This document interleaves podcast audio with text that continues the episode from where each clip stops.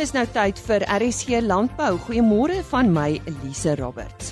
Ons gesels vandag met Standard Bank oor risikobestuur.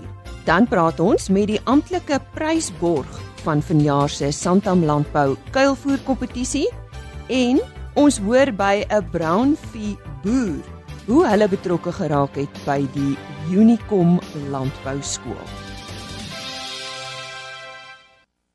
Ons het gisteroggend op RC Landbou met François Hatting gesels. Hy is die skoolhoof van die Unicom Landbou Skool. Hulle is daar op twee spruit in die Vrystaat. Nou hy het met ons gesels oor hulle kudde projek. Hulle het eh, 'n uh, paar jaar gelede 'n paar brownfees gekry en vanoggend gesels ons met die boer wat verantwoordelik was vir hierdie skenking en sy naam is Fani Els. Fani, ja, hoe lank is julle al by uh, Unicom Landbou Skool betrokke met die Brownfee? Ehm, um, hallo Lise. Ons is al van 2016 betrokke met uh Unicom Landbou Skool met die Brownfees. Ehm, uh, julle wil natuurlik belang in die ras onder die jeug ook bevorder. Wat maak die ras so ideaal om mee te boer? Jong, ek gaan vir jou 'n paar feite gee van die Brownfees. Dis die mees onderskatte ras in Suid-Afrika. En die ras, byvoorbeeld die ras het die laagste hartklop na 3 km se stap. Het die hoogste rooi bloedselle om in enige klimaatstoestande te kan oorleef. Die brownfee het weerstand teen oogkanker. Die brownfee het swart hoë wat dit ideaal maak vir nat voedkraal toestande en om aan die berge uh, te kan klim en klouter. Dit maak die ideale kruiskalf uh dis baie mak bees en daarbey bespaar jy aan arbeid. Die brandweer word in 60 lande aangetref.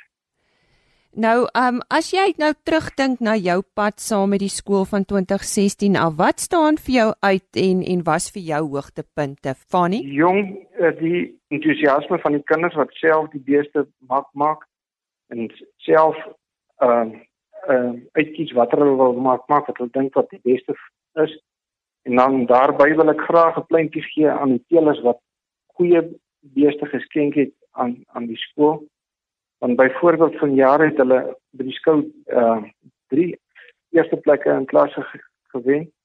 En een van die klasse wat die diere gewen het is 'n uh, is 'n kalfie wat op op by die landbeskool gebore is van hulle eie teelmateriaal. Ek het daar gesels met Fani Els en hy het ons vertel van hulle betrokkeheid by die Unicom Landbou Skool. Hulle het in 2016 'n paar brownfees aan hierdie skool geskenk. Ons gesels volgende oor risiko's en hiermee gesels ons met MC Luke van Standard Bank. Hy is uh, senior bestuurder van Agri besigheid by Standard Bank. MC, hoe, hoe, hoe sal 'n mens die term risiko definieer? Goeiemôre. Uh môre, Lisa. Uh wel ek dink in 'n in 'n snel veranderende wêreld het die tipe risiko in landbou um geweldig verander. Risiko is inherent tot die landbousektor en dit spruit uit faktore aan die aanbodkant uh wat die aanbod beïnvloed soos byvoorbeeld die onvoorspelbaarheid van die weer uh en die kompleksiteit van onderliggende biologiese prosesse. Um en dan ook wat wat bydra tot seisonaliteit van produksie. Aan die vraagkant spruit risiko uit die globalisering van markte, komplekse prysvormingsmeganismes en natuurlik die strategiese aard van voedsel uh, wat dit oor die wêreld heen 'n teiken maak vir politieke inmenging. Die Suid-Afrikaanse boer is egter toenemend blootgestel aan die impak van klimaatsverandering, die impak van handelsooreenkomste, maar ook voorkeure van verbruikers uh, wat aan die verander is en vir wie etiese produksie en voedselveiligheid al belangriker word. En dit gebeur als in 'n gedireguleerde marksomgewing te midde van groot beleidsonsekerheid rondom grondbesit. In watter kategorieë kan landbourisiko's verdeel word? So risiko uh, bestuur begin by die identifisering van die bronne van risiko wat 'n impak op jou besigheid sal hê. Um ons noem dit 'n omgewingsskandering. Um wat dan nou sekere uh, uh, uh, ons gebruik die model PESTEL. Um wat dan nou kyk na uh, sekere uh, besigheidsomgewing, soos byvoorbeeld jou politieke omgewing. Um en hierdie faktore word bepaal deur die mate waardeur die regering die besigheidsomgewing beïnvloed. Byvoorbeeld die bestuur van die ekonomie deur fiskale en monetêre beleid. of die impak van van die regulatoriese omgewing deur die voorstelling van nuwe wetgewing. Ehm um, of die effektiwiteit van staatsdepartemente by die instandhouding uh van bestaande of die skep van nuwe markte byvoorbeeld om nou maar 'n paar te noem. As ons kyk na die om, uh, ekonomiese omgewing, dan gaan dit oor die impak van ekonomiese veranderlikes op jou besigheid. Soos byvoorbeeld die per capita groei in BBP. Ehm um, inflasie, uh die vlakke van inflasie en, en of dit binneperke is om die koopkrag van verbruikers uh, byvoorbeeld te bewaar. Ehm um, die vlakke van rentekoerse en dan ook natuurlik ehm um, wisselkoerse sal belangrike veranderlikes wees as ons nou na die ekonomiese omgewing kyk. Die volgende enetjie daar is is die sosiale omgewing uh, wat spesifiek kyk na die tendens van uh, in die demografie van die bevolking. Byvoorbeeld die opvoeding, uh verbruikersvoorkeure, ehm um, mobiliteit soos soos verstedeliking byvoorbeeld. Ehm um, en dan verwys spesifiek na die beskikbaarheid uh van gekwalifiseerde en en ervare werknemers. Die volgende veld wat ondersoek word is tegnologie. En ons het gesien dat die verbetering in tegnologie groot veranderinge tot gevolg het. Ehm um, so byvoorbeeld het die verbetering van gewasse tot hoër gemiddelde opbrengste gelei. Uh die gebruik van globale posisioneringstegnologie het verbeterde ehm uh, planttegnieke byvoorbeeld moontlik gemaak. Ehm um, uh, die risiko is is is hier eerder die geleentheidskoste om nie tegnologie te omarm nie. Uh die volgende enetjie wat ek vinnig oor praat is die wetlike omgewing. So ons sien daar is veranderinge in wetgewing het 'n impak op die besigheidsomgewing. Um as ons vinnig verwys daarna, uh jy weet stat statutêre heffings wat ingestel word op sekere kommuniteite uh om sekere industrie spesifieke dienste te befonds. Uh minimumlone byvoorbeeld wat um ingekom het en en die koste van arbeid kan beïnvloed. Um maar ek dink een van die mees aktuelle onderwerpe is natuurlik die wetgewing rondom onteiening ehm um, en hoe dit eiendomsreg in die toekoms uh, kan beïnvloed. Die laaste uh, omgewingsfaktor wat ek wil praat is die natuurlike omgewing en dit gaan oor die toestand en kwaliteit van die hulpbronne beskikbaar soos grond, weiding, water ensovoorts. En ons sien dan die, dat die effek van besoedeling, erosie, oorbeweiding en die degradering uh, deur mynaktiwiteite en stedelike ontwikkeling dan 'n wesenlike impak op die produksie van 'n onderneming kan hê. Ons gesels oor die meer spesifiek die vee en die graanbedryf. Hoe verskil hierdie risiko's? Uh die vee en graanbedryf uh, uh is is 'n uh, gemeenskaplike risiko en dit is dat hulle uh, in groot mate maar uitgelewer is aan die onvoorspelbaarheid van die van die weer. Met ander woorde, hulle prestasie word grootliks gekoppel aan reën op die regte tyd wat dan die wyningskwaliteit ook kan beïnvloed. As ons kyk na die ander gemeenskaplike faktor wat hulle in gemeen het is natuurlik ehm um, die kompeterendheid van die bedryf in terme van ehm um, internasionale uh kompetisie. So plaaslike produsente kompeteer eintlik met produsente in ander wêrelddele en dan omdat die baie van die veebedrywe en en natuurlik die graanbedrywe se prysvorming um internasionaal plaasvind in 'n groot mate omdat ons maar gekoppel is um jy weet met met die internasionale markte hierdie wisselkoers dan ook 'n redelike groot impak op die um kompeterendheid van hierdie bedrywe relatief tot hulle um internasionale eweknie. Dit was dan MC Look van Standard Bank. Ons gesels 'n bietjie later weer met hom en dan beantwoord hy die volgende vraag: Hoe verskil Suid-Afrikaanse boere se risiko's van die van ander lande? Dis nou eers tyd vir ons wolmarkverslag aangebied deur Jolandi Root. Die 34ste veiling van die 2018-2019 wolseisoen het plaasgevind met 'n aanbod van 12437 bale waarvan 91,3% verkoop is. Die mark was onveranderd teen 'n waarde van R206.07 per kilogram verskoon wol. Die Cape Wools alle wolaanwyser het ook onveranderd gesluit. Die Australiese EMI het met 0,9% toegeneem. Die laaste veiling vir die 2018-19 seisoen het onveranderd gesluit ten midde van die onsekerheid rakende die uitvoer van vetwol na China. Fynwol het weer eens goeie meringdinge ontlok. Medium lengte wolle asook die klein volume kortwol het onder druk gebly omrede die hoofmark China is. Die gemiddelde skoonwolpryse vir die seleksie binne die verskillende mikronkategorieë goeie langkamwoltipes was soos volg: 18,0 mikron daal met 0,9% en sluit teen R230,32 per kilogram. 18,5 mikron neem af met 0,4% en sluit teen R231,49 per kilogram.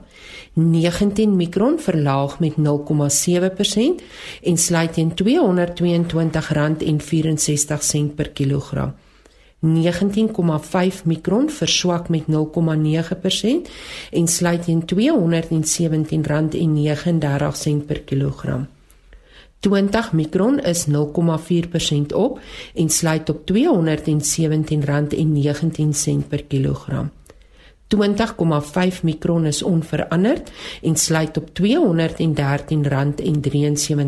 per kilogram. 21,0 mikron styg met 0,5% en sluit op R217,81 per kilogram. 21,5 mikron het 3,5% toegeneem en sluit op R217,03 per kilogram. 22 mikron styg 2,4% en sluit op R217,28 per kilogram. En 22,5 mikron is onveranderd en sluit op R216,42 per kilogram. Die volgende veiling vind plaas op 14 Augustus Intussen tyd bly warm in wol tot ons dan weer saam kuier. Groete. Jolandi Rood daar met ons nuutste wolpryse van 'n veiling op Port Elizabeth. Ons gesels nou verder met MC Look. En hoe verskil Suid-Afrikaanse boere se risiko's van die van ander lande? Suid-Afrikaanse boere beskou ons as van die beste in die wêreld om met die natuurlike hulpbronne waarmee hulle uh, te doen het na die beste van hulle vermoë te bestuur. Maar daar is ander wêrelddele waar uh, daar miskien meer staatsondersteuning is, waar daar meer hulp of die hulpbronne van beter kwaliteit is wat uh, minder risiko inhou op die produksiekant. Ons het in Suid-Afrika redelike vry um omgewing waar prysvorming deur vraag en aanbod bepaal kan word en in sommige ander lande is daar dan baie meer inmenging die van regeringskant af of uh, deur middel van tariewe en en ehm um, subsidies wat dan die prysvormings uh meganisme beïnvloed. MC so watter risikobestuurstegnieke is beskikbaar? Die mees algemene ene is natuurlik diversifikasie. En dit is om nie al jou eiers in een mandjie te hê nie. Uh die tegniek kan op vele areas in die besigheid toegepas word, byvoorbeeld produksie. So watter bedrywe behoort in die onderneming ingeskakel te word is dit slegs gewasse of is dit gewasse met 'n veekomponent? Uh die gebruik van verskillende kultivars soos lang en korte groeiers um of vrugte kultivars wat byvoorbeeld in vroeg in die seisoen of later in die seisoen geoes kan word. Um en by kleinvee kan ons ook kyk na dubbeldoel rasse uh vir die produksie van vleis en wol byvoorbeeld. Maar dan kan die diversifikasie ook op die veld van bemarking toegepas word. So as jy byvoorbeeld vir varsprodukte mark lewer, stuur jy jou produk net na die plaaslike mark toe of versprei dit onder al die finansiële vasprodukte markte in die land. Ehm um, en natuurlik as jy uitvoer, het jy net een uitvoer ehm um, bestemming of ehm um, probeer jy jou bemarking diversifiseer na verskillende uitvoerbestemmings en in verskillende geldeenhede. Uh die veld van belegging uh, laat hom ook natuurlik toe tot diversifikasie vir uh, tussen uh, bateklasse en sektore. En hier kan 'n mens die vraag vra, die winste wat jy uh, in die boerdery genereer, ploeg jy dit als terug in die plaas in of maak jy ook beleggings uh brei jou beleggings uit tot buite die onderneming. So die beginsel is dat as een gewas of een mark of een sektor byvoorbeeld swak vaar, is jy is dit heel, heel onwaarskynlik dat al die uh, gewasse of of markte of sektore gelyktydig sal swak vaar. MC, uh, wat van nuwe bronne van risiko's? So 'n ondernemer kan nie voorsiening maak vir elke moontlike risiko nie. En en dit is hoekom ons risiko bestuur deur die finansiële risiko te bestuur. So elke risiko het 'n bepaalde finansiële implikasie vir die onderneming. Nou risiko bestuur het te doen met hoe die onderneming befonds word. Met ander woorde die balans tussen skuld en eienaarsbelang, asook die kontantvloei en die onderneming se vermoë om skuld en krediteure betyds te betaal. So hier is twee risikobestuurstegnieke wat ek graag wil bespreek onder die finansiële risiko. En die eerste een daarvan is die handhawing van finansiële reserves. So dit gaan oor die balans tussen skuld en eienaarsbelang. Solank die opbrengskoers van 'n onderneming hoër is as die koste van kapitaal, kan leningsvoordelig in 'n onderneming aangewend word om uh, uitbreiding te finansier. Um, maar indien die impak van risiko nou die winsgewendheid van hierdie onderneming uh, nadelig beïnvloed, dan verlaag die vermoë om die finansiële reserves op te bou. En in uiterste gevalle veroorsaak dit dan vir finansiële verliese wat deur oorlaatskuld gefinansier word. En dit erodeer uit die aard van die saak die finansiële reserves. So dus, hoe groter die onderneming se eienaarsbelang relatief tot sy skuld, hoe laer is die onderneming se finansiële risiko en hoe beter sy vermoë om die impak van risiko op die onderneming te absorbeer. Prakties kom dit daarop neer dat die eienaar van 'n onderneming 'n gesonde eie bydrae sal maak tot die befondsing van kapitaalprojekte en uitbreidings. Maar dit mag ook nodig wees om onproduktiewe bates te verkoop en skuld te betaal ten einde die finansiële reserve te handhaaf. Uit die aard van die saak is hierdie reserves nou nie almal likwid nie. En die die die tweede ehm um, risikobestuurstegniek wat ek spesifiek hier wil bespreek is dan die opbou van kontantreserves. En dit gaan nou so eenvoudig soos 'n spaarrekening waaruit 'n mens jou BTW betalings kan doen of deposito's op die aankoop van voertuie. Ehm um, maar dit kan ook wees dat 'n mens in winsgewende jare insette vooruit aankoop vir die volgende seisoen. 'n Ander manier is natuurlik om nie al jou kredietfasiliteite op te gebruik nie. So die die rekening oor te trek tot by sy limiet nie, maar altyd 'n buffer te handhaaf. En dan hierdie surplus fasiliteite kan dan gebruik word om afwykings in die kontantvloei wat veroorsaak word deur die impak van risiko om dit dan te finansier. So die hierdie twee tegnieke kan 'n ou dan jy weet voorsiening maak vir onvoorsiene risiko's in jou onderneming. Die senior bestuurder agribesigheid by Standard Bank MC Luke en uh, hy gesels uh, aan die einde van vandag se program verder en uh, dan praat ons oor risiko's. Is dit altyd net 'n slegte ding? Ons gesels volgende oor die Santam Landbou Kuilvoer Kompetisie. Ja, jy weet daar is uh, jaarliks wenners wat aangewys word gewoonlik by die Alpha Expo daar in Parys in September maand. En uh, ons het uh, 'n nuwe rolspeler in die kompetisie en dit is Strapping and Profile Manufacturers en ek gesels nou juis met Hendrik Meyer. Hendrik, ja, wat behels hierdie borskap van julle? Goeiemôre. Goeiemôre Lize, baie dankie ek um, ek waardeer dat jy vir my skakel. Ehm um, weet jy ons is die amptelike prysborg vir hierdie jaar se Santam Kuilvoer kompetisie. Ons uh, was ook voorheen betrokke geweest by die kompetisie, maar op 'n baie mindere mate. En ons het besluit om hierdie jaar bietjie op uh, meer grootskaalse wyse betrokke te raak om so meer ons produk bekend te kry en vir die ouens oplossings te bied vir probleme wat dan uh, hulle in die gesig staar met kuilvoer. Ehm um, ons bied dan vir seile aan vir al die kategorie wenners. Um, ons het nog nie besluit hoeveel seile vir elke ou nie, maar dit sal 'n goeie gawe bydra wees tot tot elke wenner se se plaas. So dit gaan 'n groot verskil maak vir hulle. Ek ek glo so, ja. definitief die gehalte van die produk. Ja. Weet ek kan ons vir hulle oplossings bied. Nou, wie se produk verskaf julle, Heinrich? Lisa, ons is um, die eksklusiewe agente vir Rani plaas in Finland, um, al vir die afgelope 10 jaar. Um, Rani is 'n familiebesigheid wat reeds in 1955 gestig is en nog steeds aan dieselfde familie behoort. Rani het dan nou ook onlangs weer astronomiese investerings gemaak in die mees gevorderde tegnologie beskikbaar vir die vervaardiging van landbouseile sonder geluite. En watter reeks produkte bied hulle? Rani het 'n wye reeks kuilvoer plastiekprodukte vir die landboubedryf. Die kuilvoerprodukte reeks bestaan eerstens uit die standaard Rani silo wit en swart kuilvoerseil vir die gebruik op kuilvoergate as 'n bolaagseil om voer te bedek. Behalwe vir die standaard Rani silo seile, het Rani ook meer gevorderde seile vir optimale resultate, naamlik die Rani Pro 2 as 'n suurstofdeurende onderlaagseil en Rani Sil Auto wat 'n kombinasie seil tussen die Rani silo seil en die Rani Pro 2 onderlaagseil is en wie dus 'n 2-in-1 oplossing. Tweedens is daar Rani Wrap wat 'n kuilvoer plastiek is om voerbale mee toe te draai en dan derdens kuilvoersakke wat die meer moderne tegnologie in kuilvoerpreservering is, waar voer dan binne in lang sakke van tot 150 meter gestop word deur middel van kuilvoermasjiene. Ons bied dan ook die kuilvoermasjiene aan waar hierdie lang sakke opgebruik word. Heinrich, wat is die doel van hierdie reeks produkte? En kuilvoerplastiekprodukte word gebruik vir die preservering van voer, veral kuilvoer en dan ook die berging van graangewasse.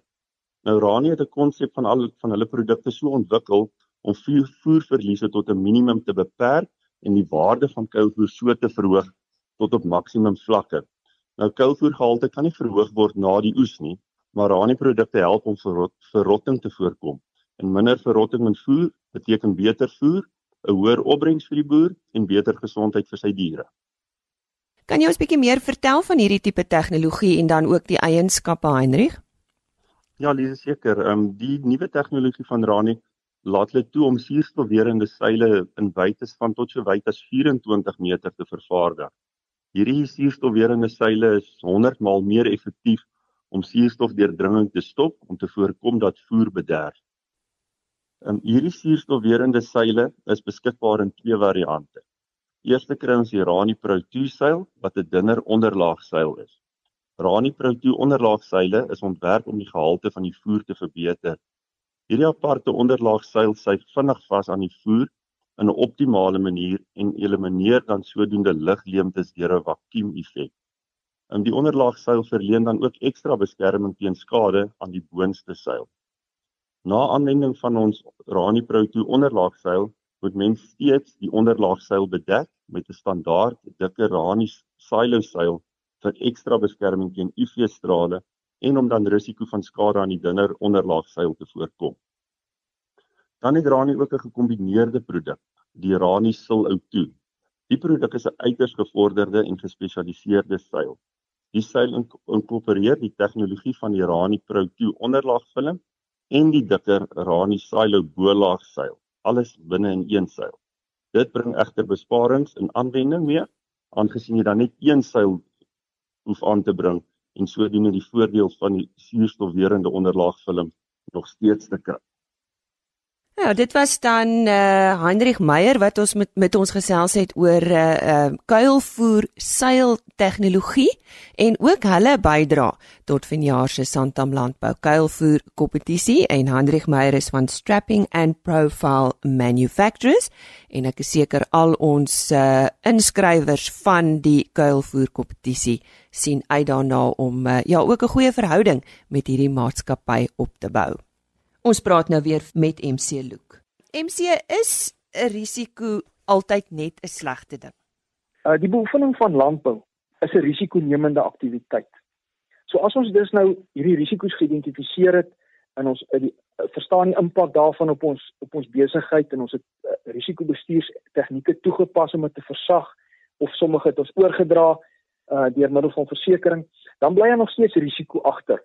En daai risiko is residuele risiko. En dit is die risiko waarmee ons moet saamleef um, of ons moet iets anders gaan doen. So produsente is entrepreneurs wat risiko neem en sy of haar uiteindelike doel is om wins te maak. En dit is dus belangrik om die potensiële beloning vir die neem van risiko uh, nie die oog te verloor nie.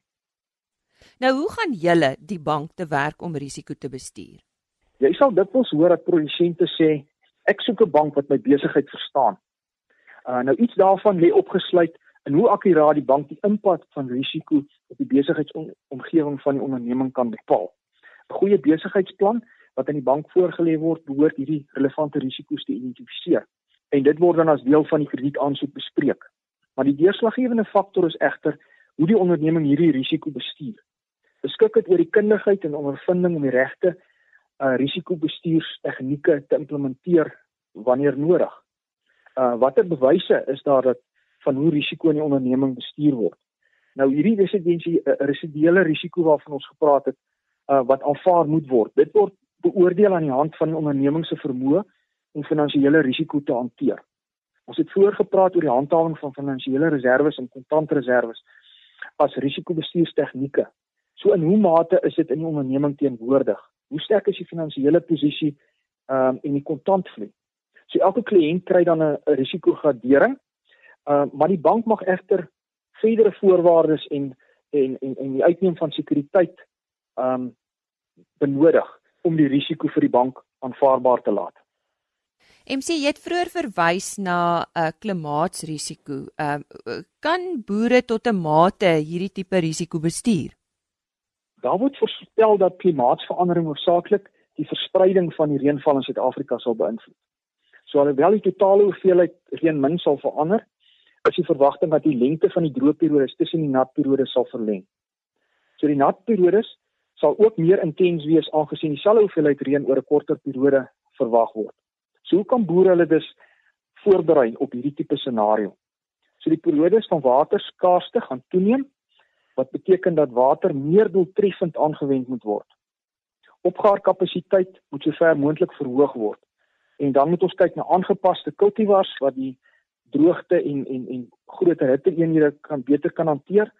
Uh maar ook produksietegnieke wat groter vogbewaring ten doel het. En en die oorlê stelsels, die gebruik van oorlê stelsels sal ook baie belangriker word.